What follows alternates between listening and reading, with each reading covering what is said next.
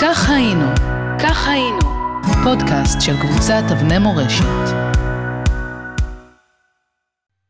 שלום לכם, כאן שוב אמיר שושני עם סיפור מספר 130 בסדרה כך היינו. אמר או לא אמר? זה נושא הסיפור של היום. הסכיתו ושמעו, הכל כמובן אמת לאמיתה. פנחס שניאורסון לא האמין למשמע אוזניו. הוא לא אמר, טוב למות בעד ארצנו. הוא פשוט אמר, יופ תפויומט. נשמעה התרסה בחלל החדר. שניאורסון הביט סביבו. אף אחד מהאנשים שעמדו במקום לא נראה כזה שמפיו יצא דבר הכפירה החמורה.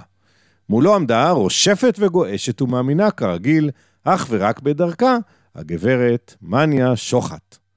אבל גם היא לא אמרה את המשפט הטעון הזה, שזה עתה הופרך באוויר. המסקנה, מעציבה ככל שתהיה, הייתה בלתי נמנעת. המשפט הזה יצא מפיו שלו, של פנחס שניאורסון. הוא שאישר תשע שנים קודם לכן את המשפט בין העל מוות שלחש אוסיה טרומפלדור, רגע לפני מותו, אמר עכשיו בדיוק את ההפך. ועוד בנוכחות עדים. אם היו שואלים אותו, מן הסתם הוא היה אומר שאת המשפט הזה הוא אמר כעת רק על מנת להרגיז אותה, את מניה שוחט, אבל כיוון שמילה שיצאה מפיך שוב אין אתה אדון לה, אזי נולדה לה באותה שנייה ממש, של אוגוסט 1929, תיאוריית הקונספירציה ההיא שטרם הוכרעה עד היום, לאמור, מה אמר טרומפלדור על ערש תוואי? תשע שנים קודם לכן קרם חלומם של שניאורסון וחבריו עור וגידים. אנחנו, הם קבעו, נקים קומונה משותפת לכל הפועלים בארץ ישראל. וכך הם הקימו את גדוד העבודה על שם יוסף טרומפלדור. הרעיון, הוא היה אוטופי לחלוטין.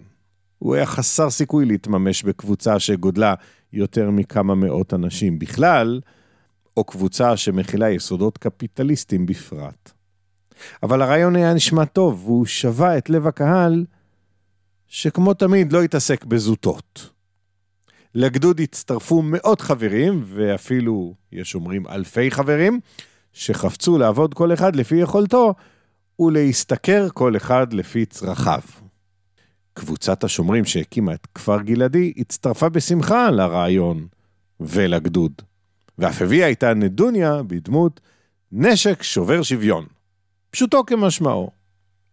כמות הנשק שהחזיקו אנשי כפר גלעדי הייתה יותר גדולה מכמות הנשק שהחזיק ארגון ההגנה. כשהם, אנשי כפר גלעדי, מתחזקים מחתרת שנקראה, איך לא, הקיבוץ.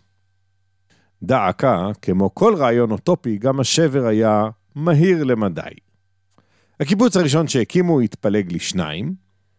עין חרוד רצה להסתפק בקומונה מצומצמת יותר, ותל יוסף נשאר גדוד קומונאי על מלא, כמו שאומרים. אחר כך נפרדו מהם כמה עשרות חברים שהחליטו שאם כבר להקים קיבוץ משלהם, אז למה לא באי קרים, שהיה אז חלק בלתי נפרד מאמא רוסיה? והנה עתה נאלצו שלושה קיבוצי הגדוד, שהיו אז רמת רחל, תל יוסף וכפר גלעדי, להודות בכישלונם ולהצטרף אל עין חרוד שנפרד מהם אז, ואל ארגון הקיבוץ המאוחד. עד כאן, חשבו שניאורסון וחבריו, והצביעו נגד ההודעה בכישלון האוטופיה של גדוד העבודה. מניה שוחט לא בררה מילים. אתה ראש הפלגנים, היא צעקה לו, צריך לגרש אותך מכפר גלעדי. והוא הלך. לא לבדו הוא הלך, אלא איתו קבוצה של פלגנים, במרכאות, פירורי שאריות מאנשי גדוד העבודה, שנשארו נאמנים לדרכם וסירבו בתוקף להצטרף אל הקיבוץ המאוחד. במאבק, כידוע, כולם מפסידים. אולי חוץ מעורכי דין.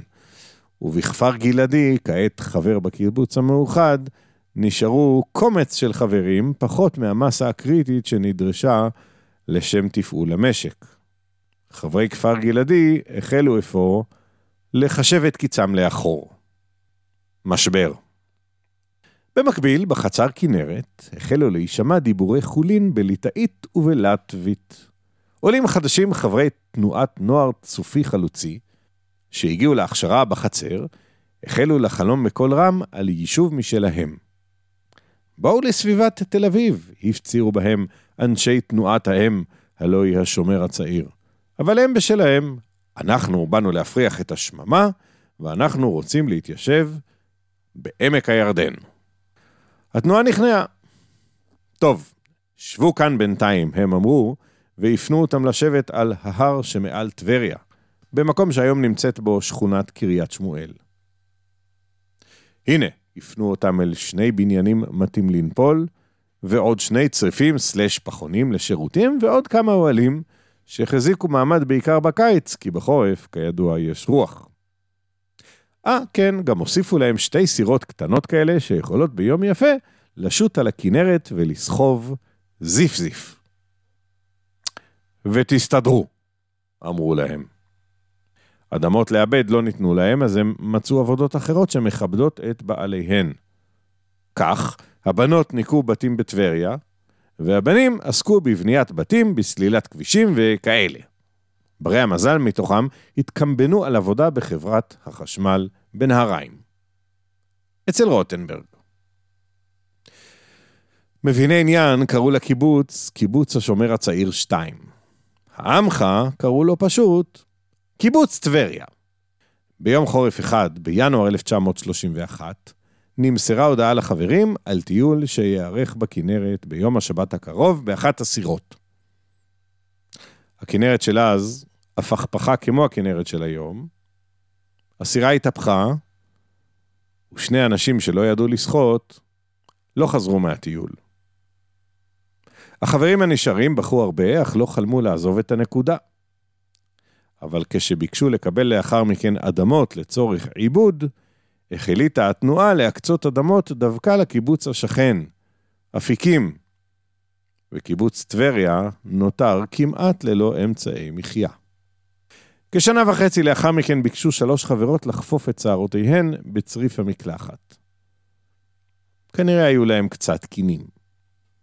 השימוש בנפט לניקיון השערות היה אז מקובל אמנם, אבל לאמצעי זהירות היו מקובלים קצת פחות.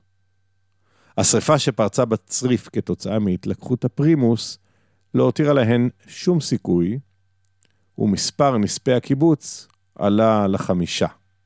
המשבר בקיבוץ גאה לשיא. בתנועה ראו שני קיבוצים נאבקים על חייהם, כפר גלעדים אחד וקיבוץ טבריה מאידך. נו, זה מתבקש, פתרון אחד לשתי בעיות הם החליטו. לכו לכפר גלעדי, הם הציעו לחברי קיבוץ טבריה. וכמעט כל הנשים בקיבוץ טבריה חתמו בתגובה על פטיציה. מה לנו ולזקנים האלה, הם קראו. אבל התנועה הייתה חזקה מהם. אנחנו הקיבוץ המאוחד, הזכירה התנועה לאנשים המוחות. וקיבוץ טבריה ננטש, ואנשיו עברו לכפר גלעדי. לימים יודו אנשי כפר גלעדי של אז, שעליית קיבוץ טבריה אליהם הצילה אותם מנטישה. כך היינו, כך היינו, פודקאסט של קבוצת אבני מורשת.